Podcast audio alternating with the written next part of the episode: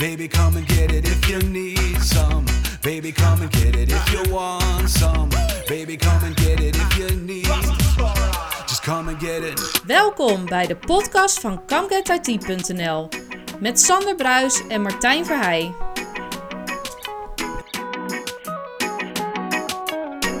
Aflevering 28 alweer van de Come Get IT podcast.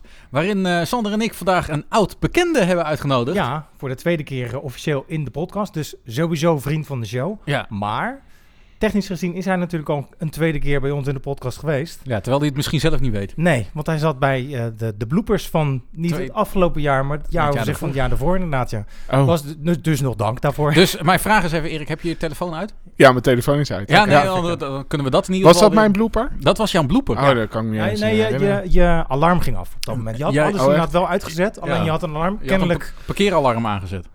Oh. Ja, Nee, precies, ja. Nou, dat heb ik nu niet. Gewoon Nou, gratis. Je kan niet gratis parkeren. Ja, precies. Het, En eh, voor, dus voor iedereen, luister hem terug. Nou, eh, voor degene die nu voor het eerst deze aflevering luisteren, wie is Erik dan? Nou, Erik is voormalig CEO van Deerbytes, voormalig Managing Director at eh, Security Services en eh, voormalig winterslaper. Hij is Ja. nu Managing Director van Zolder BV, daar gaat hij straks veel meer over uitdiepen. ik heb even teruggekeken in de voorbereiding van onze aflevering die wij toen hadden met jou. En toen vroegen wij aan jou, als eerste vraag hadden wij eh, de vraag gesteld, hoe beviel je winterslaap? Ja. Ja. Nu ben je weer volledig aan het werk. Dus hoe bevalt het om weer aan het werk te zijn? ja, dat is wel heerlijk. Ja, ik denk dat wij hebben elkaar toen eh, de vorige keer gesproken, denk ik ongeveer halverwege mijn, ehm, eh, mijn winterslaap, Ja, dacht klopt. ik. Want het was in 2019 en toen was ik, eh, ja, ja, ja, ik denk dat september of zo is geweest. En toen was Klopt. ik echt halverwege. Ja. Ehm, ja, en ik ben in eh, maart eh, vorig jaar echt eh, officieel ingestapt bij Zolder. Op Zolder. En, ja, letterlijk ja, ook. leuk, Ja, ja.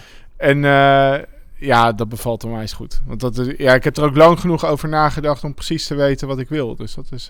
Ja, dat is absoluut waar. ja. Maar heb je nou nog een verschil tussen zolder en thuiswerken en in uh, sabbatical zitten? Of, eh, Ehm, nou ja, zeker wel. Want ik heb in die sabbatical... eh, ik, ik heb twee kinderen. En mijn jongste, die was in, in dat jaar van het sabbatical, was nog drie. ja. Mhm. En eh, ik ben precies eigenlijk gestopt met mijn sabbatical toen hij eh, vier werd. En dus eh, naar eh, groep 1 ging op Ja, de ja. En dat scheelt echt gewoon een hele hoop eh, met thuis eh, papa zijn. Eh, dus eh, ja, ja het, het- dat was automatisch dus een, een groot verschil. Alleen, ja, 1 maart eh, 2020, toen, eh, is het, ik denk twee weken later of zo, toen eh, kwam de eerste lockdown. eh, En af en toe flip je nog wel eens wat burgers? Of, eh, nou, dat, ja, dat is dus echt kermisleven. En dat Ja. is een business die het laatste jaar niet echt heel erg eh, Nee. zinvol is geweest. Als je Dus, aandelen kermis hebt, dan eh, Nee, heb je nu een slechte tijd, Ja, denk een slechte ik. Tijd, ja, ja. helaas. Ja. ja. Helaas. Nou ja, goed. Maar goed, je hebt zegt het zelf al. Je bent in de tussentijd begonnen met Zolder BV. ja, Nou ja, de, de, de vraag, maar eigenlijk gaf je dat... eh, ik heb het introfilmpje gekeken op, eh, op YouTube van de Zolder Sessions Zolder BV. mhm. Daar gaf je ook aan dat het... Nou ja, dit is mijn zolder, maar ook jullie zolder. Ehm, dus je zal vaak heel vaak de vraag hebben gekregen van... Nou, waarom Zolder BV? Is het zo simpelweg dat je gewoon dacht van... Nou, ik heb een leuke zolder. Die naam geef ik eraan. Of zit er nog een diepere... Nee, er zit, er zit wel een diepere gedachte achter. Want eh, ja, wij, wij ik, ik, wer, ik heb het eh, bedrijf. Ik ben eigenlijk ingestapt bij een bedrijf wat al opgericht was door eh, Wesley Neden, eh, Wesley Nelen en Rick van Duin. Mhm. En later is dan Theo Snellerman daarbij gekomen. Ik ben als vierde Oké. heb ik mezelf toegevoegd. En toen hebben we het ook omgenoemd naar Zolder. Maar ja, we hadden met elkaar eigenlijk een soort van behoefte. We kwamen allemaal een beetje uit die Deerbuis en KPN-wereld vandaan.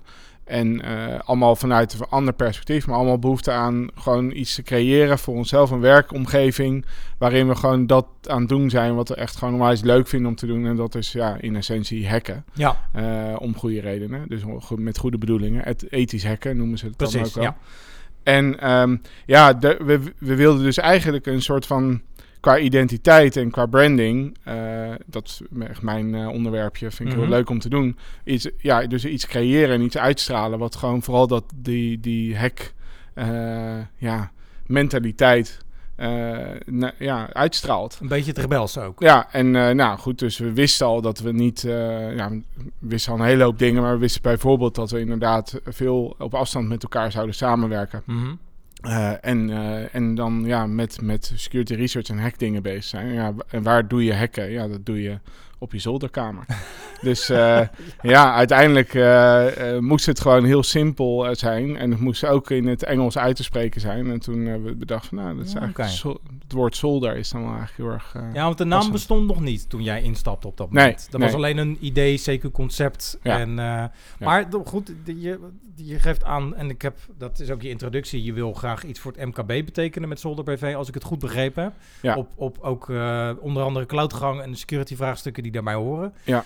Waarom MKB? Waarom niet gelijk, waarom heb je inderdaad daarop ingezet en niet bijvoorbeeld, en misschien heb je daar een goede reden voor, maar keihard voor de enterprise bijvoorbeeld, eh, de enterprise kant. Ja, nou, alles voert wel een beetje terug op, op dat centrale thema van we willen doen wat we leuk vinden. Ja. Eh, en eh, wij hebben in ons leven qua security dienstverlening best ook met hele grote corporate klanten samengewerkt. En ook voor gewerkt zelf voor natuurlijk. gewerkt, zelf, zelf voor gewerkt. Ja. En, en daarvan geleerd dat, dat die heel veel eisend zijn. Eh, en, en logisch ook, weet je, dus niet, niet dat dat stom is of zo. Nee. Alleen dat betekent dat je in je werk ja, je heel erg moet, moet eh, ja, eh, Conformeren. conformeren en aanpassen naar, naar precies de wensen van één, één klant.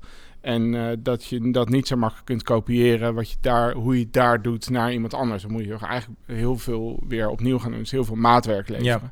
En, en, we, en waar we wisten gewoon van de partijen waar we gewoon het, het leukste mee samenwerkten en ook de beste klik mee hadden, gewoon ook eh, op, ja, op menselijk niveau, Ja. dat dat de wat kleinere organisaties waren. Omdat je daar gewoon ja, meer één op één met de inhoud bezig bent en zo en, eh, en echt kan helpen.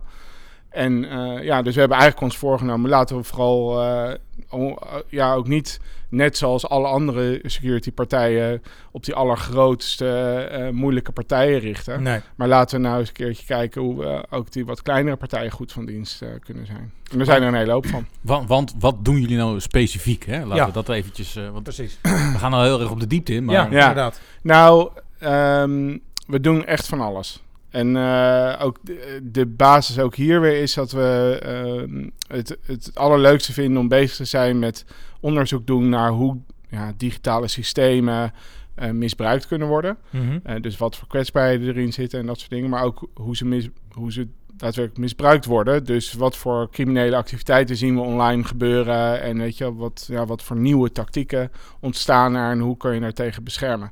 En eh, ja, als je daarmee bezig bent, dan doe je kennis op over ja, hoe, hoe bescherm je je daartegen. Precies. En dan willen we het liefst dat die kennis zo, zo concreet mogelijk toepassen. Op allerlei verschillende manieren. En dan uitvinden van ja, wat voor verdienmodel eh, ontstaat daarbij.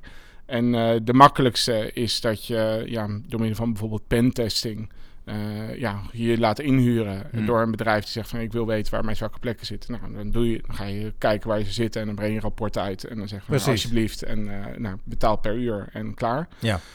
Ehm, en zo zijn we ook wel bezig het afgelopen jaar. eh, dus daar zijn we ook op zich voor beschikbaar. Maar we hebben ook gedacht van nou, weet je wel, daar op die manier kunnen wij en de hele security-industrie never nooit niet iedereen helpen die, eh, die, eh, die er is in deze Nee, wereld. En daarbij is een pentest ook maar een pentest, heb ik me laten Klopt, vertellen. ja, klopt. Maar we, we hebben dus iets veel schaalbaarders nodig, waarin we diezelfde kennis eigenlijk een plek kunnen geven en daarmee veel meer bedrijven tegelijkertijd kunnen helpen. En eh, dus wat we het afgelopen jaar ook gebouwd hebben, is een platform ehm, waarin we dus inderdaad gewoon onze kennis en kunde ja, kunnen plaatsen. En op één, ja, één keer, dus met scripts en weet ik wat, één keer bijvoorbeeld Microsoft 365 van bescherming voorzien. En de manier waarop we dat dan doen, dan ineens voor alle klanten die daarop aangesloten zijn ook eh, effectief is. Ik zie een link naar de app, daar gaan we het dadelijk volgens mij nog Ja. wel even over hebben. Maar Ja. je zegt, ehm, nou ja, met zoveel woorden dat je heel veel kennis opdoet. Nou ben je natuurlijk iemand die al redelijk door de wol geverfd is. En volgens mij de mensen waarmee je, waarmee je werkt ook. Wat kom je dan nog voor nieuwe dingen tegen? Nou ja, het, het staat nooit stil, want je hebt ehm, eh, dus eigenlijk op twee, eh, over twee assen is, is er eigenlijk continu eh, zijn dingen ont- in ontwikkeling. Ten Mhm. eerste zijn er telkens nieuwe soorten digitale systemen en toepassingen die ja, aangesloten worden op netwerken en die, die dus op de een of andere manier nieuwe kwetsbaarheden, nieuwe aanvalsoppervlakken opleveren. En Mhm. dan kan je denken aan ehm, ja, echt robotisering. Nou, dat is Ja. natuurlijk een trend die nu al wel gaande is. Er zijn echt heel veel bedrijven veel mensen staan nog niet zo bij stil, maar er is, is, is zoveel sprake van robotisering nu al. Ja. En dat wordt alleen maar erger. Te- eh, of ja, erger, er wordt meer en meer. en dat gaat ook zijn intree in, ons, gewoon, in onze fysieke leefwereld. eh, ja, dat het zichtbaar wordt ook Ja. echt. Ja, precies. ja, dus dat gaat een onwijze impact hebben. Nou goed, dus er ontstaan allemaal nieuwe systemen waar ook eh, iets met security voor nodig is. En aan de andere kant is het zo dat ehm, ja, ook aanvallers gewoon nieuwe trucjes uitvinden. Mhm. eh, waar ook weer nieuwe vormen van bescherming voor nodig zijn. Omdat ze, ja, zij, ja weet je, je, je bouwt een muur op en zij gaan nadenken van oh, hoe komen we daar nou weer omheen.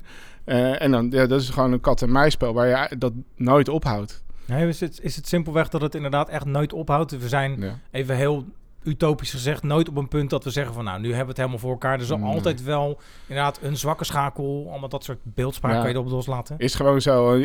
Wat je de laatste jaren wel hebt gezien, is dat, eh, dat we technisch misschien steeds meer in staat zijn geweest om dingen dicht te zetten. En dat daardoor misschien eh, de, de focus van, van criminaliteit zich steeds meer heeft gericht op, ehm, op de menselijke kant van de, van Ja, de ja, ICT. Hè? Ja. Dus eh, ja, misleiding van mensen door middel van phishing en campagnes opzetten. Nou, en die, dan zie je dat die, de manier waarop mensen gefisht worden, dat dat ook continu eigenlijk net iets anders gaat. Dus dan hebben we mensen inmiddels getraind dat ze niet zomaar op linkjes moeten klikken in een e-mail. En vervolgens ontvangen ze dat linkje via een sms.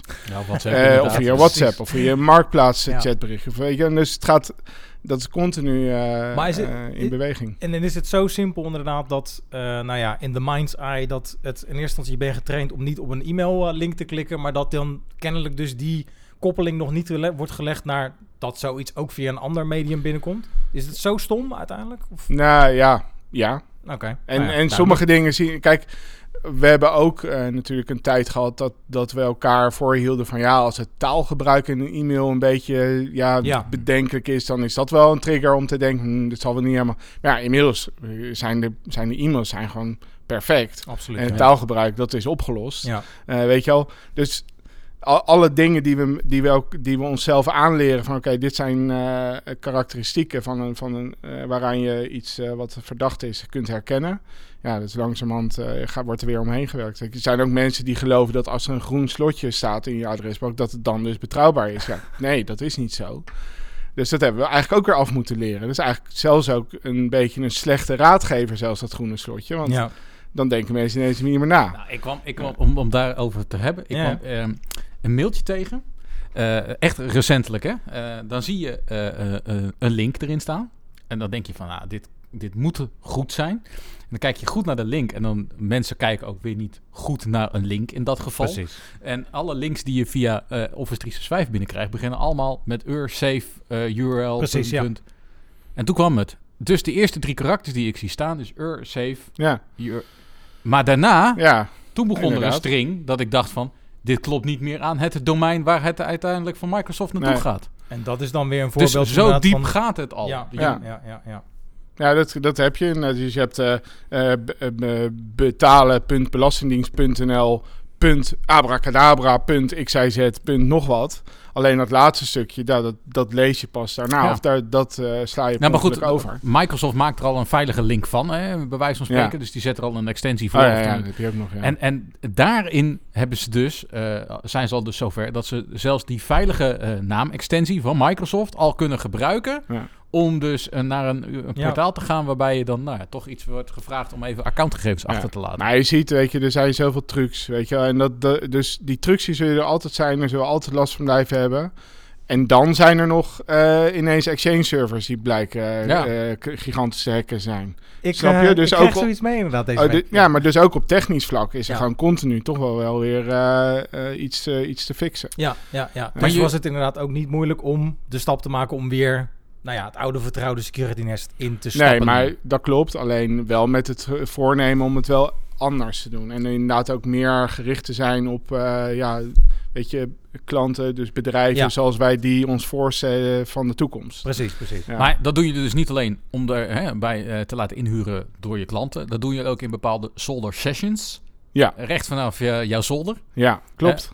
Ja, ja, dus je, bedankt voor de inspiratie. Maar we zijn inderdaad zelf ook begonnen Ik- met, eh, met de podcast. Ik wilde ons niet zelf eh, inderdaad, Ja. dus dan maar dat, dat vind ik leuk om te horen. Ja. Inderdaad, ja, want je, nou, dat kunnen we dan wel zeggen. Toen jij de eerste keer te gast was, toen had je al, toen speelde je met het idee. Eh, Ja. Nou ja, we hebben een gezamenlijke interesse, Joe Rogan, die ook een format heeft, Ja. die, wat jij nu ook doet. ja, Eh, je gaf aan inderdaad dat je daar ook heel veel inspiratie hebt, eh, hebt gekregen. Maar dan even de zolder sessions staan helemaal los van zolder BV of is het wel een Nee, het is wel echt- synergie? echt iets wat wij zelf hebben gedaan. En dat zit weer een beetje in het idee van... kijk, wij hebben, wij hebben dus bepaalde kennis. Wij, in het verleden was het zo dat als we bijvoorbeeld een onderzoek deden... naar eh, een of andere manier van malware of eh, vorm van malware of een, eh, of een kwetsbaarheid... ja, dan ging je daarna met, met je onderzoek ging je op zoek naar een podium of zo... waar je dat Ja, daarover ja. kon vertellen Ja, en op die manier dan wat exposure kon krijgen. En we hebben gedacht van ja, waarom zouden we niet proberen om ons eigen kanaal gewoon ook te creëren? Ja, Zodat als we iets te vertellen hebben, dat we het gewoon kunnen vertellen. En dat then it's out there, weet je. En dan, en dan kan dat misschien gewoon een, eh, een bron worden waar, waar mensen ons eh, mee weten en is dat, heeft dat gewerkt? Eh, ja, ik denk het wel, want we hebben, ja, we hebben eigenlijk in het afgelopen jaar dus er heel veel focus gehad op het ontwikkelen van die app. Ja. Eh, en tegelijkertijd geprobeerd om gewoon onze naam alvast te vestigen, zodat als die app er is, dat we een soort van basis hebben van naamsbekendheid en dat die app een eh, beetje een eh, leuke lancering kan hebben. Ja. En ik denk dat als je gewoon kijkt naar volgers en dergelijke, dan hebben we het prima gedaan. En ook op een manier die gewoon, ja, gewoon heel relaxed en, en Ja, gesprek. ja, Inderdaad, nou ja, goed, ja, dat gaat precies over de inhoud van maar je gewoon in zijn algemeenheid, ja, wij doen gewoon echt wat we leuk vinden om te doen. Ja, precies. En ik vond het gewoon heel leuk om inderdaad in die, in die zolder sessions met mensen in gesprek te gaan die op de een of andere manier met security of met digitalisering bezig zijn. En Ja. gewoon daar een, een gesprek mee te voeren. Ja, dat vond ik van Joe Rogan heel leuk, want die zit, ja, die zit drie uur lang ja, gewoon te praten ja, met mensen die hij interessant vindt. precies. En eh, nou, ik vind niet iedereen die hij interessant vindt, vind ik ook interessant. Maar goed, heel, ja, heel vaak dan, dan zitten daar mensen en denk ik, ja, ik vind het gewoon onwijs in- leuk. En ook dat, dat er zo lang over een onderwerp gesproken kan Ja. worden. Nee, dat Ja, vermogen heeft hij inderdaad. al. Nou, inderdaad. En eh, nou, dat heb ik dus geprobeerd een beetje op die manier ook eh, te creëren. Dat is zijn er dan-. Ja, nee, dat, en dat geloof ik heel graag. Maar zijn er eh, ook dingen, want dat merken wij wel met de podcast. Wij hebben ooit het idee gehad om eh, kennis te delen in ieder geval. Mhm. En ook nou ja, kennis tot ons te nemen. En we hebben in de tussentijd best wel, zijn er dingen voorbij gekomen die ons wat geleerd hebben, ons verbaasd hebben. Zijn er veel dingen inderdaad nu al, want het is natuurlijk wel een gebied waar je heel erg bekend mee bent. Zijn er nog dingen waar je veel van opge- of dingen waar je wat van opgestoken hebt, eh, die je ook misschien kan toepassen? Nou, ik heb een aantal gasten eh, gehad inmiddels die echt eh, veel meer weten van dingen dan, dan ik. En dan ook dingen die niet een beetje buiten directe terrein liggen waar ik mee bezig ben. Dus bijvoorbeeld Maarten Steinboeg is een hoogleraar aan de Technische Universiteit Eindhoven. Ja, die is echt met robotisering en zo bezig. Ja, ja, ja. Gewoon super, super vet om naar te luisteren. Ja. Goed, de- dat vind ik altijd. Dus als ik, eh, ik ken hem eerlijk gezegd niet voordat ik hem eh, vond als eh, potentiële gast. Eh, dus ik vond eigenlijk alles wat hij sprak. Ik dacht, nou, vind ik super interessant. Ja, Nou, eh, precies. precies die dingen heeft hij eigenlijk in de, in de, in de zoldersessie nog een keer verteld. En dat was hartstikke leuk. En eh, nou, vooral dus hoogleraren, weet je, die, die vind ik altijd boeiend. Precies. Ehm, en ja, Maar Ja. kan je daar, heb je er inderdaad ook iets mee kunnen doen? Of is het inderdaad echt precies zoals wij doen? Hè? Nou ja, niet precies zoals, maar wat, eh, dat je inderdaad gewoon een leuk gesprek hebt. Daar pik je wat van op, maar niet Ja. direct iets wat je ook op bij de zolder BV inderdaad kan toepassen. Of toe wil passen misschien. Nou, ehm, nee, niet in directe zin. Wel, wel gewoon, ja, weet je, het zet je wel aan denken over Precies. dingen af en toe. Ja. Maar eh, niet dat we zeggen, oh, weet je, blijkbaar kunnen we daar ook nog een dienst of zo creëren. Nee, precies. Dat eh, niet Nee, zo nee. direct. Nou, jullie doen het ook in combinatie met video, toch? Ja. Althans, ik kan me een van de eerste video's heugen dat ik iemand heb zien, eh, een logo voor jullie heb zien solderen. Ja, ja, dat was niet, dat klopt. Dat was We- Wesley die dat... Solderen, eh, Solderen? Ja, zolderen. Sol- solderen. Ja, dat is wel grappig, want als je dus in Engels eh, inderdaad eh, zolder laat uitspreken, dan denken ze eigenlijk in eerste instantie aan solderen. ja. Maar Ja. dat is ook Ja. niet heel ver weg Nee. van, eh, van, van de hekken. Dus, Nee. eh, maar goed, ehm, eh, dat was niet echt in een zoldersessie, maar dat was wel eh, Wesley Nee die dat deed. Dat, eh, dat zolderlogo. Maar eh, ik kan me wel een zoldersessie herinneren. Daar hebben jullie wat meer uitgelegd over phishing. Mhm. En volgens mij was dat de eerste of de tweede. Want Ja. Ik vond het wel heel interessant. Ik heb zelfs nog tegen jou gezegd. van. Volgens mij eh, moet je die eens terugkijken. Ja, En dat ging eh, niet zozeer van hoe zit het nou aan de voorkant van hacking, hè, van, eh, eh, van phishing, maar hoe zit het aan de achterkant? Ja. Want ja, in principe was dat het verhaal, dat er in principe gewoon een portaal beschikbaar is voor de fisher Ja. in dit geval. Ja, dat was... ehm, dat Volgens mij was het de tweede of zoiets. eh. Ja, dat, dat klopt wel. Ja, we, we, we hebben toen... ehm, eh, ook Wesley en Rick die doen veel onderzoek naar, naar precies hoe die, eh, hoe die fishers te werk gaan. En die hadden eens een keer ergens een, ehm, eh, de source code van het U-admin panel Ja. gevonden. Door gewoon eigenlijk gewoon te, te, te gokken op bestandsnamen in de, in de ho- root directory Mhm. van, van een eh, opgetuigde webserver. En ehm, ja, dat, dat gaan, eh, is uit elkaar geplozen. En zelf dus die phishing eh, software eigenlijk gewoon opgespind op een VPS. En gekeken van ja, hoe werkt dat dan? En daarmee dus inderdaad eh, ja, gewoon getest van oké, dus oké, dus ik lanceer hier een phishing site en nou kom ik daarop aan als slachtoffer. Wat gebeurt er dan? Wat ziet dan Ja. de, de aanvaller? Nou, en toen, nou, toen we dat zagen, dachten we, nou, dit is wel leuk om dat een keertje in beeld te brengen Ja, precies. was wel best wel een beetje eh, achteraf gezien. Eh nou, zou ik niet zeggen dat... Oh, ik haal nu een... eh, Nee, het, ik zal zeggen wel dat het niet spijt. Er zit af en toe een kraakje Ja, ik trouwens. hoor het. eh. Ja. Maar dat zit niet in de opname. Oké, Dus gelukkig. dat scheelt. Goed. Ehm, eh, dus achteraf kwamen we erachter, of dat gebeurde eigenlijk in die sessie al wel, dat... eh, ja, we hadden dus gezegd van ja, we gaan een eh, U-admin demo eh, geven. En er zaten in de sessie zaten er dus ja, crimineeltjes gewoon eigenlijk mee te kijken. En dus ook commentaar te geven. Of ja, weet ik, ik weet niet zeker. nou, ik, ik vond het niet heel als crimineel hoor, maar ik vond het wel, ik vond het heel interessant om het vanuit de andere kant te zien. Maar er zaten dus ook, eh, dat soort lui zaten gewoon te kijken. Van, en die vonden het gewoon heel vet dat we hun eh, tools eh, een beetje aan het, eh, aan Oh, het ik- demonstreren Ik, waren. ik dacht dat je wilde vertellen over dat hè, het anarchist cookbook idee, zeg maar. Van dat je mensen op een idee... Maar die mensen Nee. hadden dat idee al. Ja, en ja. waren jullie aan het beoordelen Die vonden- bij ja. Die zaten met virtuele bokje, Ja. bo- bordjes van... ja, maar ja, ik wil eigenlijk, eigenlijk niet zo heel graag zo heel erg eh, met hun in eh, contact zijn. Weet Nee, wel? maar, dus, maar eh, toch. Dus, maar dus dat wel, de, je weet je, je begeeft je daarmee best wel op een terrein dat je denkt, nou oké, eh, eh, kan ook spannend worden. Eh, maar ehm, eh, ja, weet je, het, dat soort dingen zijn wij aan het doen. En dat vinden we dus ook heel leuk om, om te laten zien en over te vertellen. En ja, die zoldersessies, dat geeft ons daar gewoon een eigen platform mee. Kunnen we gewoon mee doen wat we willen. Precies. Ja, en, en qua video, dat is het enige wat nu echt jammer is geweest van, van, eh, van het coronajaar. Want we hebben dus best wel geïnvesteerd in allemaal apparatuur die nu niet echt tot zijn recht komt. Want we hebben Nee. ja, goede audio en zo. Nou, jullie, jullie doen nog netjes, jullie hebben de ruimte hier om het goed eh, op Ja, te nemen met, gelukkig. met Ja. voldoende afstand. Ja, ik doe het nu allemaal gewoon remote. Want ik ga geen mensen naar Brabant laten komen en dan op zo'n kleine afstand eh, van Nee, elkaar nee, zitten. nee, nee. Nee, ja. Eh, maar dus ik hoop inderdaad, als zodra de lockdown eraf is, dat we dan echt, eh, echt leuk gewoon op locatie met de tools die we hebben, hebben aangeschaft, Ja. gewoon echt leuke sessies te kunnen maken. Nee, ja, we wat wat, heb je nog in het eh, verschiet zitten dan? Nou ja, we, we hebben dus eh, een paar camera's eh, die gewoon goed zijn. En een, en een live video editing ehm, eh, Mogelijkheid. ja, eh, tool. Eh, met de, weet je, zo'n knoppenkast. Ja, kan heen en weer eh, springen. En ja, daar maken we nu eigenlijk geen gebruik van. Nu doen we gewoon alles via webcam. Ja, precies. Ja, dat is wel zonde inderdaad. Ja, nou Ja. ja, goed, daar kunnen we over meepraten. Wij hebben ook veel meer mogelijkheden, ook buitenshuis, die we normaal gesproken ontplooiden, maar dat is even lastig. Ja. Maar goed, je zei het al, het, het woord is gevallen, corona. Eh, we hebben natuurlijk inderdaad nu een jaar dat het ons, eh, nou ja, bezighoudt. Zeg ik het allemaal Mhm. heel netjes.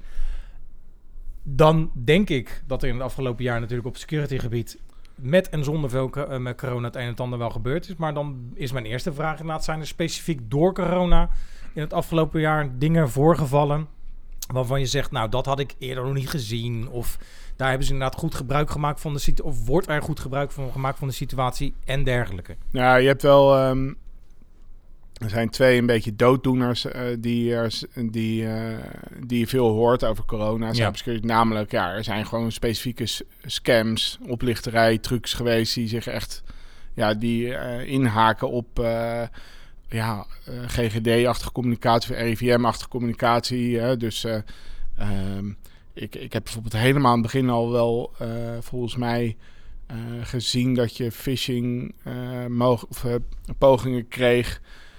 En dat je iets moest betalen aan de RIVM of zo. Mhm. Weet je wel, betaal hier voor je, voor je eh, mondmasker of zo. Ja, ja, ja, Ik- ja, ja. Iets. Ik weet niet meer precies, maar het ja, een beetje eh, dubieus verhaal.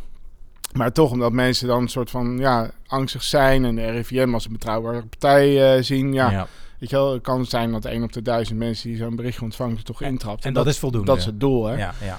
Dus, eh, dus dat heb je wel gezien. Dus eh, corona-gerelateerde phishing-verhalen. ja. Ehm, nou ja, in ons vorige gesprek zeiden we ook al de, dat er veel meer mensen thuis zijn gaan werken. Juist. eh, levert natuurlijk op dat alle perimeter security die organisaties hebben, ja, die doet even niet meer mee. Nee, Eh, of ja, misschien hebben ze het goed ingericht dat je, dat je vanuit huis door een VPN heen gaat en dan alsnog die perimeter passeert. Maar heel vaak en steeds meer is dat niet zo. Eh, wij hebben ook wel helemaal, eh, ik denk dat het in april was of zo, iemand geholpen die, dat was zo zo'n bedrijf die eventjes te snel gewoon eh, remote desktop open had gezet in zijn firewalls eh, om thuis te kunnen werken. En dan vervolgens was remote RDP was, Mm. ja, was gewoon gehackt. ja, En dan was eh, het hele bedrijf op slot gezet met ransomware. Ja. Ehm, dus dat is denk ik ook wel eh, veel gebeurd. Door thuiswerken en te snel eigenlijk een paar eh, dingen qua beveiliging zijn overgeslagen. Eh, en dus dat tot ransomware of dat soort dingen heeft geleid. Ja. Ehm, maar wat wij vooral eh, hebben gezien als effect is dat eh, de criminaliteit eh, is hier volgens mij was het de politie of het CBS die vorige week of zo Ja. publiceerde dat Klopt. traditionele criminaliteit iets van 30% omlaag is gegaan Ja. en dat online criminaliteit 130% eh gegroeid. Ja, dat, dat ligt voor de hand, want dezelfde mensen die traditionele criminaliteit zouden uitvoeren, die vinden langzamerhand gewoon echt hun weg eh, naar online. Ja. En die merken dus daarin ook, die leren daarvan dat de pakkans misschien relatief laag is. Want de politie heeft grote moeite om, eh, om die opsporing goed te doen. Ehm, en ook dat, eh, dat het gewoon minder fysiek gevaarlijk is voor hen. Hè? Ja, zijn en gewoon, het is heel mak- de tooling is heel makkelijk te krijgen. ja, ja. Want je gaat een torrentnetwerkje opzetten en je kan... eh, ja, maar dat hoeft niet eens. Tenminste, dat denken ze. ja. Hè, dus eh, je, je- bijvoorbeeld Telegram is gewoon een, ja, een broedplaats van, van criminaliteit. Mhm. En denk je, ja, Telegram is een soort van... Daar kan dus iedereen in. Ja, Ja, een kan Of, Ja. ja. Ja, Ja, maar het, het is relatief eh, lastig voor, eh, voor opsporing om erachter te komen wie op Telegram nou precies degene is die achter een bepaalde identiteit eh schuil gaat. Ja. het is niet onmogelijk. Terwijl met als je, je kan je sporen veel beter nog eh, eh, ja, afdichten. Met inderdaad eh, met, eh, hoe heet het? Ehm, VPN, Tor. ja, Tor inderdaad. Onion, Ja, precies. Maar- Maar zo zitten deze criminelen helemaal niet in elkaar. Die staan er helemaal niet bij stil. Die zijn er helemaal niet mee bezig om hun sporen. Zo. Die, zijn, die kunnen af en toe echt gewoon heel lomp... gewoon eh, bij wijze van spreken hun, hun huidige locatie delen op Telegram. Van, Ja, eh, ja, weet ja. je wel, kom daar ophalen, weet je wel. wat ik net gestolen heb. En het is gewoon bizar, weet je wel. Maar dat is gewoon hoe, hoe het... ja, dat is gewoon het niveau van de criminaliteit waar je mee te maken hebt. Die Ja, maakt ik wou- geen reet uit. Ik wou zeggen een, eh, een sterk staaltje omscholing. Maar daar valt dus nog wel wat gelukkig dan eh, wat aan te sleutelen, begrijp Nou ik. ja, ja, het is een heel interessant eh, onderwerp hoor. Want eh, de, ja, de politie heeft dus heeft op zich natuurlijk de kennis heus wel om in het tele- Telegram-kanaal mee te kijken van wat daar gebeurt. Alleen ze hebben Ja. de bevoegdheid niet om dat te doen. Dus ze moeten echt. Zelf lid worden gemaakt van dat kanaal. Maar en dan moet je nog weten dat de nou ja, maar van de zo, voordat ze dat kanaal ingaan, moeten ze eigenlijk intern hè, van het Hmm. OM de, de, de, de toestemming krijgen om op die manier dus mee te gaan kijken. Ook met de sleepwet van tegenwoordig? Ja. Oké. Dus En- zo gelukkig, en, nou ja, eh, en- eigenlijk ben ik daar wel blij mee. Maar. En een beetje vooruitlopend op de nieuwe sociale media eh, Clubhouse. Eh, zijn daar eh, al wapenfeitjes van? Of, eh, Nee, niet dat ik weet, niet dat ik weet. Maar dat, ja, weet je, ik denk dat al die platforms op een gegeven moment... eh, Even een leuk wetenschapje over Clubhouse. Ik ben, in, eh, ik, ik ben zo'n sociale media ontdekker. Oké, nou, het- mij, zij- mij zegt het niks, maar Nee, dat, eh, dat zegt... Clubhouse is een nieuwe vorm van sociale media waarbij je met audiocommunicatie met elkaar kunt communiceren. Ik weet wel wat het is. ik weet ook ja. wat het is. Ja, nee, Ja. ik, Precies, ik, ja? ik Nou. heb iets gezien laatst met. Jan Roos Dus en toen- eh, Patty Bart. Toen dacht ik bij mezelf van, hey, dat wil ik ook. Maar ik heb thuis nogal een vrij, nou laat ik zeggen, uitgebreid netwerk waarbij ik al het supporterprotocol dichtzet. Wat denk je? Denk je dat ik Clubhouse aan de praat kreeg zonder mijn firewall te moeten aanpassen? Ik vermoed van niet. Nou, inderdaad. Ik heb hem de, zowat de hele wijde wereld open moeten zetten om Clubhouse te kunnen. Dus moet je nagaan dat het zomaar ook... Ja. eh, het gaat echt over random poorten, vliegt het naar buiten toe. Dus eh, het staat bij mij weer dicht. Dus eh, zodra ik Clubhouse opstart, dan krijg ik gelijk poor connection, slechte wifi, noem het allemaal ja, op. ja, ja, ja. Maar eh, zelfs dat vond ik al opmerkelijk. Dus het stuurt echt gewoon Ja, wat, wat, audio, verkeer, TLS, encryptie, alles verstuurt het Ja. gewoon. nou, wat, er kwam laatst ook iemand voorbij, volgens mij was het op Twitter of zo, die zei bij Clubhouse van, je moet je realiseren dat in, in deze wereld van deepfake en zo, dat, dat er nu dus door iemand een database, een audiodatabase wordt opgebouwd, met echt gewoon jouw identiteit gekoppeld aan jouw stem. Daar, dat is waardevol. En, en nergens op het hele internet is terug te vinden welke poorten of protocollen je moet openzetten voor Clubhouse. Nergens. Ja. Het enige wat je terugvindt op het moment dat je zoekt firewall Clubhouse, is dat in China het al gelukt is het grote Clubhouse tegen te houden. Nou ja, ik vroeg me af of het uit China kwam. Maar is, is dat het? eh, Nou, dat weet ik dan weer weet niet. Nee, nou, volgens mij Nou, niet. goed. Nou ja, dat even terzijde dan. Ja, goed. Maar dat vond ik even een leuk eh, eh, weetje. Dus eh, Ja. eh, even de- mee te geven zeg maar, aan het stukje educatie. Ja, ja, precies. Maar de dingen die je zei inderdaad, bedoel, da- daar moest ik eigenlijk gelijk aan denken. Want inderdaad, mensen werken nu massaal thuis. Mhm. Hebben inderdaad die eh, traditionele boundaries die afgebakend werden voor ze om dataverlies te voorkomen. eh, of in ieder geval datalekken, die zijn er voor een groot deel niet meer. Mhm. Is het dan dat het zo weinig gebeurt? Of is het nog helemaal niet ontdekt dat er daardoor dus eh, data op straat komt te liggen? Of inderdaad eh, nou ja, beveiligingslekken zijn die daardoor ontstaan zijn? Of zijn we gewoon allemaal netjes opgevoed? Nou, ik denk gewoon simpelweg dat, dat het soort bedreiging... Je moet echt nadenken in dreigingsmodellen. Ja. Je? Wat, wat is gewoon, wa- vanuit dat perspectief... Wat is het meest aannemelijk dat er nu gebeurt aan, eh, eh, aan dataverlies? En ja, we worden eh, aan de ene kant natuurlijk wel wakker gemaakt voor het feit dat er bijvoorbeeld Chi- Chinese spionage eh, Mhm. is. Ja. Eh, maar dat richt zich dus echt gewoon op de plekken waar intellectueel eigendom zit. Ja, Ja, ja, dat is ja. niet overal. Dus daar hoeft er ook eigenlijk heel eerlijk gezegd niet iedereen zich onwijs zorgen over te maken. Behalve als je het meer op macro-schaal bekijkt en denkt van ah, wat betekent dat voor de Nederlandse economie? En, oké. Oké, maar als het gaat om van jij die, die thuis zit te werken, dan, dan is dat niet, niet, al, niet voor iedereen gewoon een dreiging.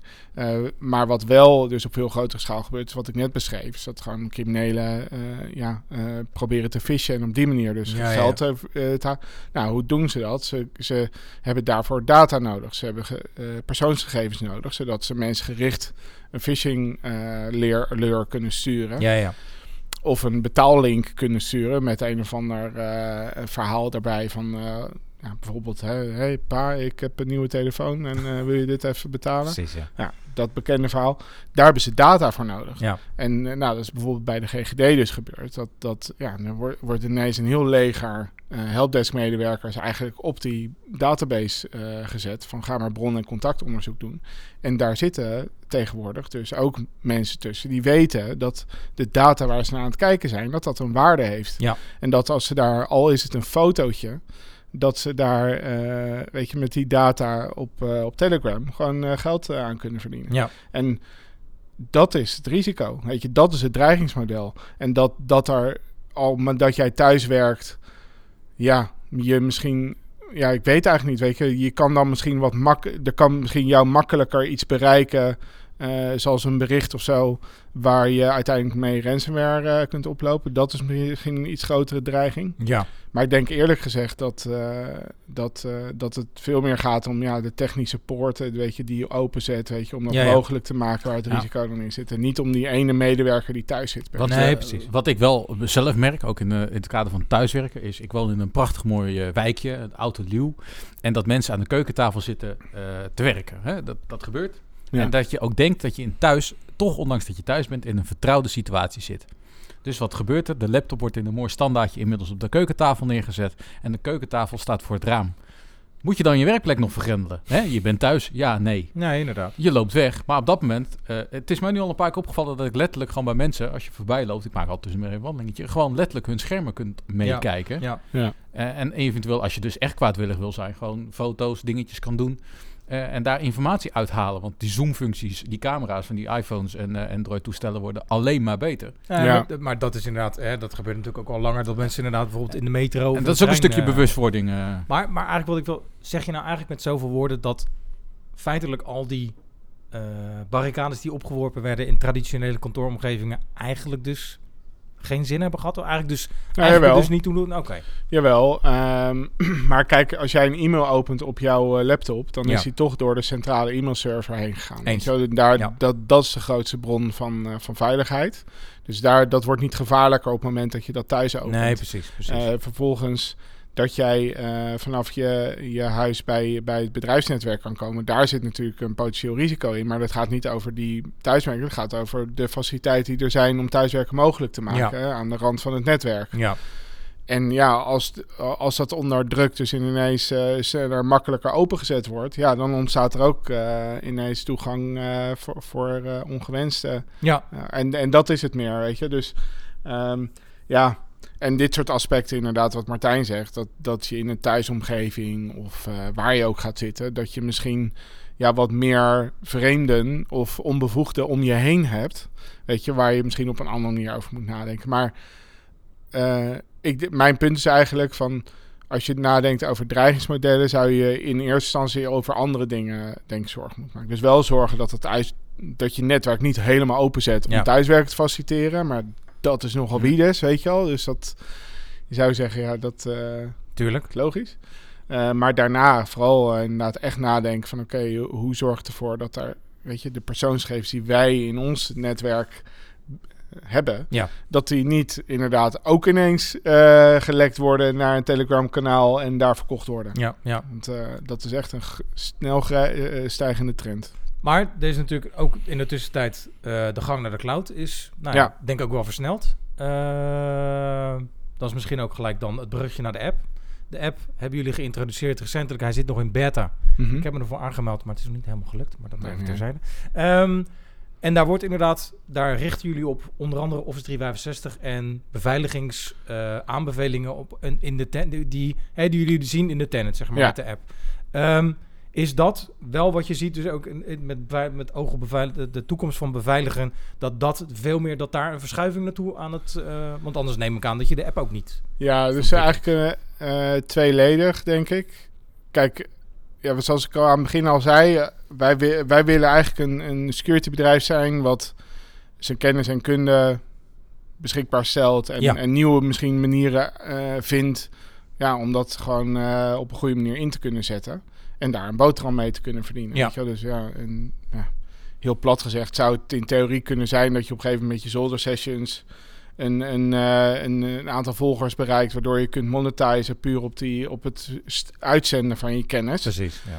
Weet ik niet, weet je. Maar dat, dat zijn allemaal van die dingen die gewoon aan het experimenteren zijn, weet je. Van wat kan je nou eigenlijk met het feit dat je, dat je dingen weet. En dat je daarover kunt vertellen. Maar goed, dus terug naar de app. Ehm, zo, zo kijken we min of meer ook naar wat we willen doen voor het MKB Ja, is, eh, ja, je hebt eh, jarenlang gehad dat, dat eh, bedrijven eigenlijk gewoon allemaal hun eigen unieke IT-omgeving hadden. En, en daarom hebben we ook het soort security diensten wat er nu is. ja. Die zijn allemaal gebouwd en ge- ja, gerealiseerd vanuit de situatie dat alles uniek was. En, on-prem. ja, en Ja. on- ja, on-prem dus ja, Precies. eh, uniek. Ja, En eh, nu is iedereen naar de cloud gegaan. En als je dan goed kijkt naar van in welke mate zijn die security diensten nou veranderd? Ja, niet echt eigenlijk. Weet je. Het is nog, steeds hetzelfde eh, trucje. ja. En dezelfde soort werkprocessen en dezelfde soort van complexiteit van organiseren van security dienstverleners. Om ja, die, aan die vraag tegemoet te komen. Nou, en ik denk van ja, dat is dus fout. Want eh, je moet echt kijken van oké, weet je, als, als al die bedrijven in de cloud zitten, allemaal op dezelfde manier hun IT hebben georganiseerd in de kern. Hoe ga je daar dan goede beveiliging bij bieden Ja. eh, op dienstverleningsniveau? Nou, eh, daar komt dan bij dat als je dan helemaal een soort van toekomstvisie hebt, dus laten we zeggen vijf tot tien, misschien wel twintig jaar vooruit denkt, ja, dan willen wij dus ook nog een security speler zijn. ja. En dan denk je, nou oké, dus we moeten, ik moet ook eh, in staat zijn om een robot eh, te beschermen, weet je, op de een of andere manier. Of, of ons te beschermen tegen robots. Ja. Eh, kan- Wie zal het zeggen? hoe je, hoe je het wil. Ja. Ehm, maar ja, is het dan belangrijk dat je nu iets doet met Office 365, weet je wel? Ja, wel, want ik geloof dat bedrijven die straks echt met, met dit soort technologie aan de slag gaan, dat die niet meer hun hun e-mail eh, zelf aan het eh, managen zijn in, eh, in een serverroom. Nee, die, die, pakken, die doen daar gewoon de standaard eh Die dingen voor uit de creditcard cloud. en... En die Ja. gaan zich, die, zich druk maken qua, stand, qua echt hun, hun, eh, hun inricht van hun ICT en specifiek op hun organisatie. Daar waar het echt om hun core business gaat. ja. Namelijk die robot met dat specifieke kunstje wat het aan het uitvoeren is. Ja. Daar gaat hun IT-inspanningen naar uit. En de rest doen ze allemaal gewoon uit de cloud. Ja. Dus onze klanten, over 10, 20 jaar, hebben hun e-mail of hoe we dan ook met elkaar communiceren in de cloud. Dus daar moeten we in de basis, is het heel logisch dat we daar nu al een goede oplossing bij bieden. En een oplossing die dus ja, vertrekt vanuit het punt van iedereen is hetzelfde. Want we hebben allemaal Microsoft 365. We hebben dat niet allemaal, maar even onze Ja, klantenkring dan. even tussendoor, waarom de keuze? Want ik vind het hartstikke fijn, want daar ligt ook mijn, mijn Maar waarom Office 365 en niet Nou, Google omdat, bijvoorbeeld? omdat eh, nou, Google zou de logische tweede zijn. Maar in het die is de vol- groot gemene grootste gemene delen natuurlijk. Hè? Ja, nee, oké. nou, Ik denk dat in het, in het MKB, eh, eigenlijk zijn er niet zo heel veel cijfers van, omdat het wordt allemaal een beetje afgeschermd. Maar eh, ik geloof dat het laatste onderzoek wat ik heb gezien is dat er iets van twee derde van het MKB draait op Microsoft 365. En dan hebben we het over 2018. duidelijk. Dus zij zijn de grootste. Ja. En daarna komt zeker Google. En het kan ook zo zijn dat als je, als je dan het nog specifieker inzoomt op zeg maar micro-enterprises, zeg maar van 1 tot 10 medewerkers of zo, dat daar misschien eigenlijk stiekem Google er wat ja, groter is. Maar goed, wij hebben dus ge- gekozen om eerst zeker op Microsoft te focussen.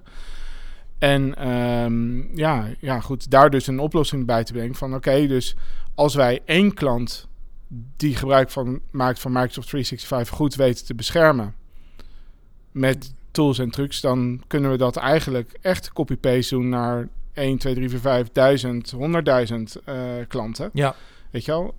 Want het is hetzelfde. precies. En eh, zo hebben we het dus ingericht. En, en waarom dan een app? Want ja, dat is dan de tweede vraag. Van waarom moet het dan een mobiele app zijn? Nou, ik geloof dat als ik naar echte kleine ondernemers kijk, die zijn niet continu bezig met security.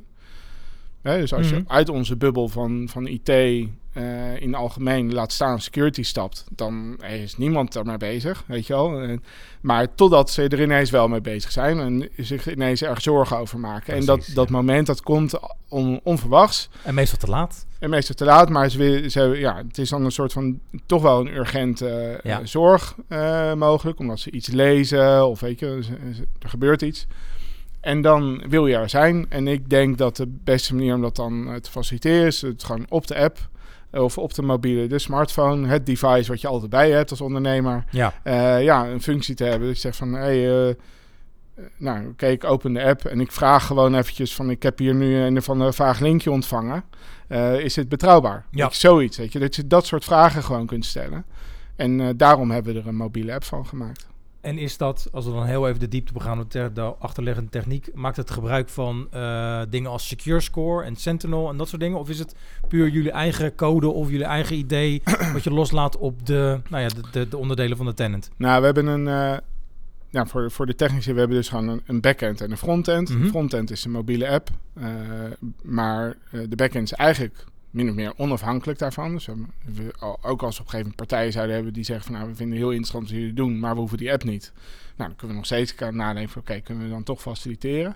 En die backend die bestaat uit ehm, eh, processen die eigenlijk gescheduled eh, inloggen eh, op de tenant van, van, van een klant.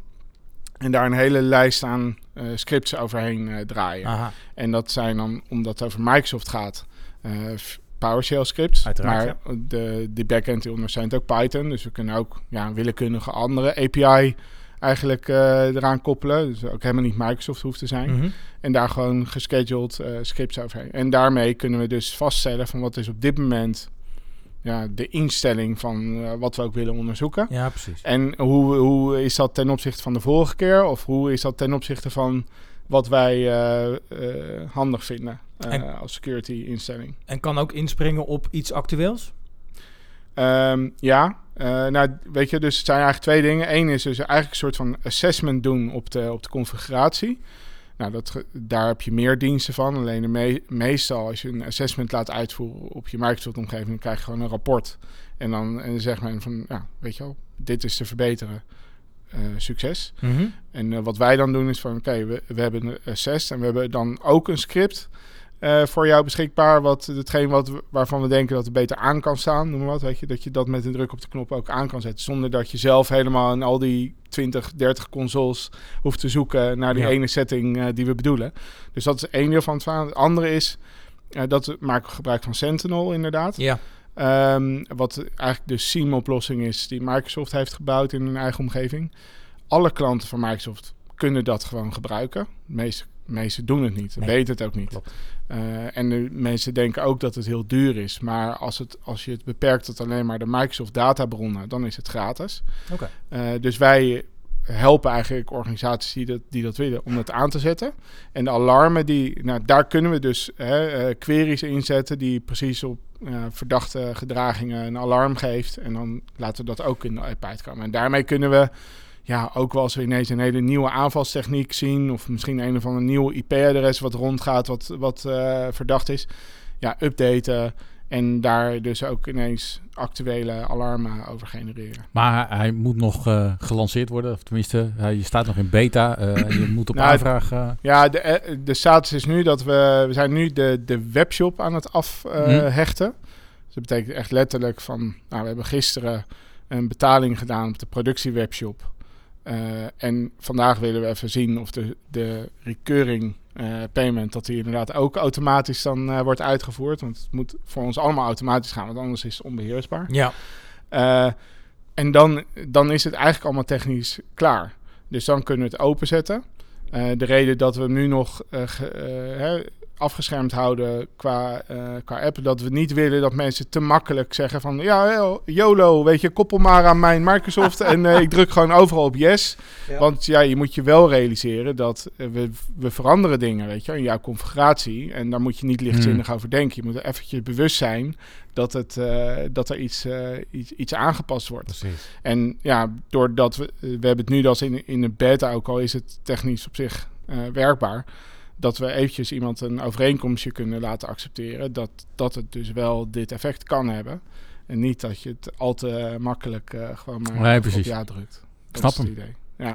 Klinkt goed. Ja. Volgens mij eh, eh, zijn wij door de vragen heen, Sander. Ja, en zitten we lekker door te keuvelen. Ja, maar dat- dat geeft dat, niet. dat valt ons zeer, zeer goed inderdaad. Nee, ja, ik, eh, ik denk dat we inderdaad bij jou inmiddels bekende als vriend van de show onderdeel zijn gekomen. Dat zijn de envelopvragen. Voor de luisteraar vertel ik het toch nog een keer. Ik heb hier letterlijk Nou, allereerst, allereerst, we hebben een jingle. Een stukje vormgeving. de envelopvragen. Ik heb hier drie enveloppen nu in mijn rechterhand. Daar zitten drie verschillende vragen in, of stellingen. In ieder geval iets wat meer op de persoon, iets, wat, eh, iets met een ruwe randje. Nou ja, je weet hoe het werkt. Ik zeg, ik kies er eentje uit. De vorige keer had je, had je de middelste trouwens. Ik wil je niet een bepaalde keuze opdringen, maar dat was de vorige. Dus eh ja, en dat doe ik nu deze. Hè? hoppakee. Hoppakee. Ja, dan dus, hebben we de eh, volgende keer de rechter eh, ja, ja. over de 19 afleveringen. Precies, inderdaad. Even kijken. Nou, Ben benieuwd.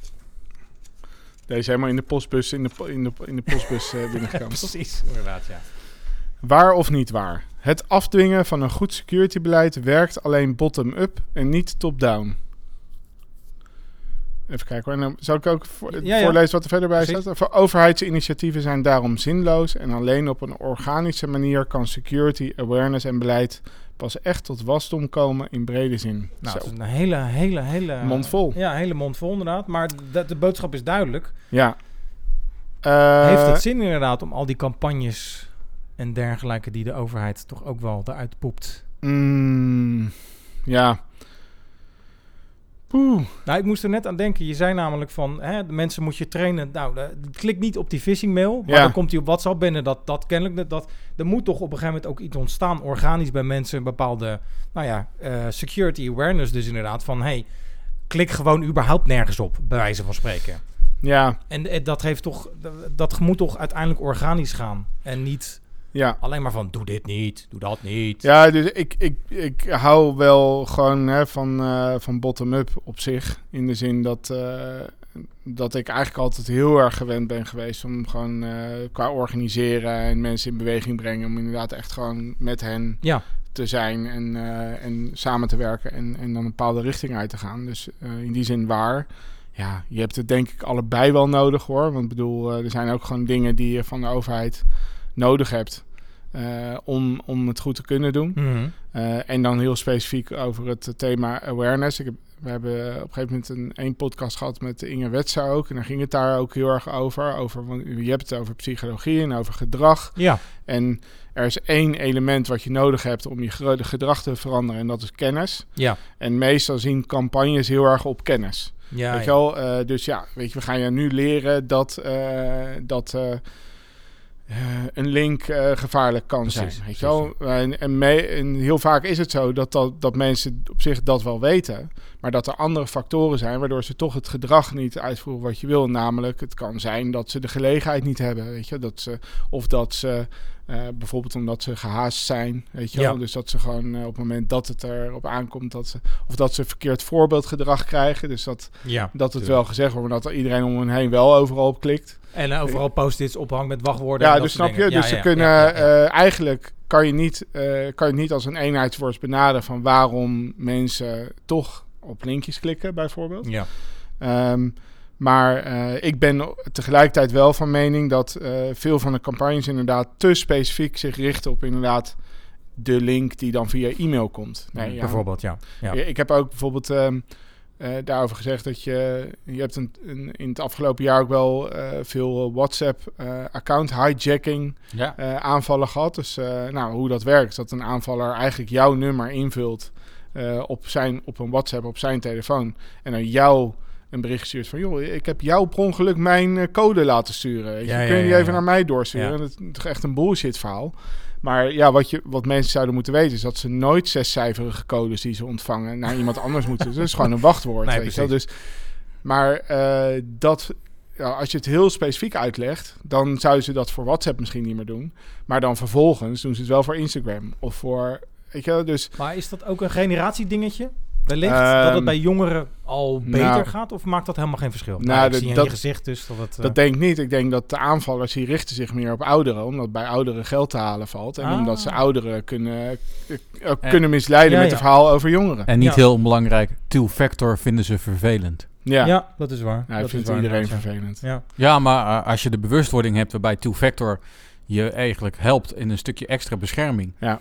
Eh, Oké, het zijn wat stappen die misschien hè, wel steeds makkelijker worden. Maar het is wel vervelend om de eerste keer die uitrol, die QR-code te scannen. Moet je weer code, blablabla. Ja. En sommigen vragen twee keer om de code. Wat natuurlijk heel goed is, maar het is wel vervelend. Ja. En eh, ik merk bij een oudere generatie die eh, gewoon zeggen van ik sla het over. Ja, nee, dat absoluut. Ik, eh, ik heb daar pra- ook praktijkvoorbeelden van. Inderdaad. eh. En niet alleen de oudere generatie, ik ken ze ook wel van mijn eigen leeftijd. Maar, eh, Nee, maar daarom vroeg ik me dus af inderdaad of dat bij jongeren dat dat makkelijker valt. Maar als ik jou zo hoor, heeft dat inderdaad... Is het gewoon mensen zijn mensen. Mensen en mensen, ja, ik denk dat je jongeren wel makkelijker nu, omdat ze nog wat, en wat meer in staat zijn om dingen aan te leren. Ja. Dat je ze wel, wel bewust kunt maken van, het, van eh, de waarde van een zescijferige code of een wachtwoord. Ja, ja, precies. Maar toch zie ik wel, als ik nu weer kijk, het digitale onderwijs, zie ik wachtwoorden verstrekt worden door scholen aan, Ja. aan kinderen. Dat ik denk van, volgens mij moeten we daar iets mee bewuster mee Ja, omgaan. maar het onderwijssysteem Ja, maar, is eh, heel, inderdaad heel traag met Precies, ontwikkelen. maar als je daar kijkt van eh, hoe wachtwoorden worden verstrekt door, door bijvoorbeeld twee keer de schoolnaam en dan een cijfer te kiezen, dan denk ik Ja. van ja, sorry, hier moeten we nog wat aan doen volgens mij. eh. Ja. En dan zit je wel in een bepaalde doelgroep waarbij het uit een volwassen niveau gedragen kan worden. Dus het eerste wat ik tegen mijn kinderen zeg, hoe jong ze ook zijn, alsjeblieft, verander dat wachtwoord. Meteen. Ja, Ja, ik vond het erg grappig om te horen, maar het is niet leuk. Nee, maar dat, het gebeurt. Ja, duidelijk. Hey Erik, we hebben weer genoeg gesproken. Ja, Jij onwijs weer bedankt eh, voor je tijd. ja, graag gedaan. We Ja, zien je weer was- over eh, 19 afleveringen. ja, precies. Mooi. Nee, het was ons waar genoeg inderdaad, ja. Of eh, misschien, wie weet, kunnen wij ooit een bijdrage bij Erik leveren. Dat kan Hey, ik eh, ga mezelf niet uitnodigen, maar ik hou me aan. Als de zolder geopend is, dan zijn je van harte een keertje uitgenodigd. Top. Dan kun je ook zien hoe het erbij Ja. bij staat. Al, Dus, al is het alleen maar leuk om de techniek even te. Ja, Dus, precies, eh, zo is precies. Nou, dan lijkt, Leuk. lijkt me die uitnodiging die staat. Oké, Ik wil in ieder geval bedanken voor je tijd en je komst. Ja, graag gedaan. En eh, Sander, jij ook weer bedankt. Jij ook man. En als luisteraar, ik wil jou weer onwijs bedanken. eh, want ja, eh, zeker, wij hebben weer een hoopje beetje bijgedragen in jouw eh, technische kennis of in je kennis en je know-how. En dit keer weer het mooie onderwerp over security. Er staan nog vele onderwerpen klaar, want wij zijn alweer in de podcastplanning medio november alweer Ja, pas weer... We dat- bijna negen aan verkopen tegenwoordig. ja, ja, bijna wel hè. We krijgen echt al aanbiedingen Ja, het is heel leuk. Dus daar zijn we heel blij mee. Dat doen we natuurlijk alleen voor jou. En het leuke daarvan is, wij vinden het ook nog steeds steeds, ondanks dat er alweer 28 zijn, eh, dat je ons eh, eh, nog steeds kan helpen door een klein beetje feedback achter te laten in de Apple Store of via eh, Google of via eh, Spotify waar wij te beluisteren zijn. Laat er wat leuks achter. Wij doen het met alle liefde en wie weet heb je een shout-out in de volgende podcast. En eh, ik wil je in ieder geval bedanken voor het luisteren. Tot de volgende. Tot de volgende. Bedankt voor het luisteren naar de podcast van ComeGetIT.nl. Wil je meer weten? Heb je vragen, suggesties of opmerkingen? Bezoek dan onze website www.comegetit.nl. If you want some, baby, come and get it. If you need some, baby, come and get it. If you want some, baby, come and get it. If you need, just come and get it.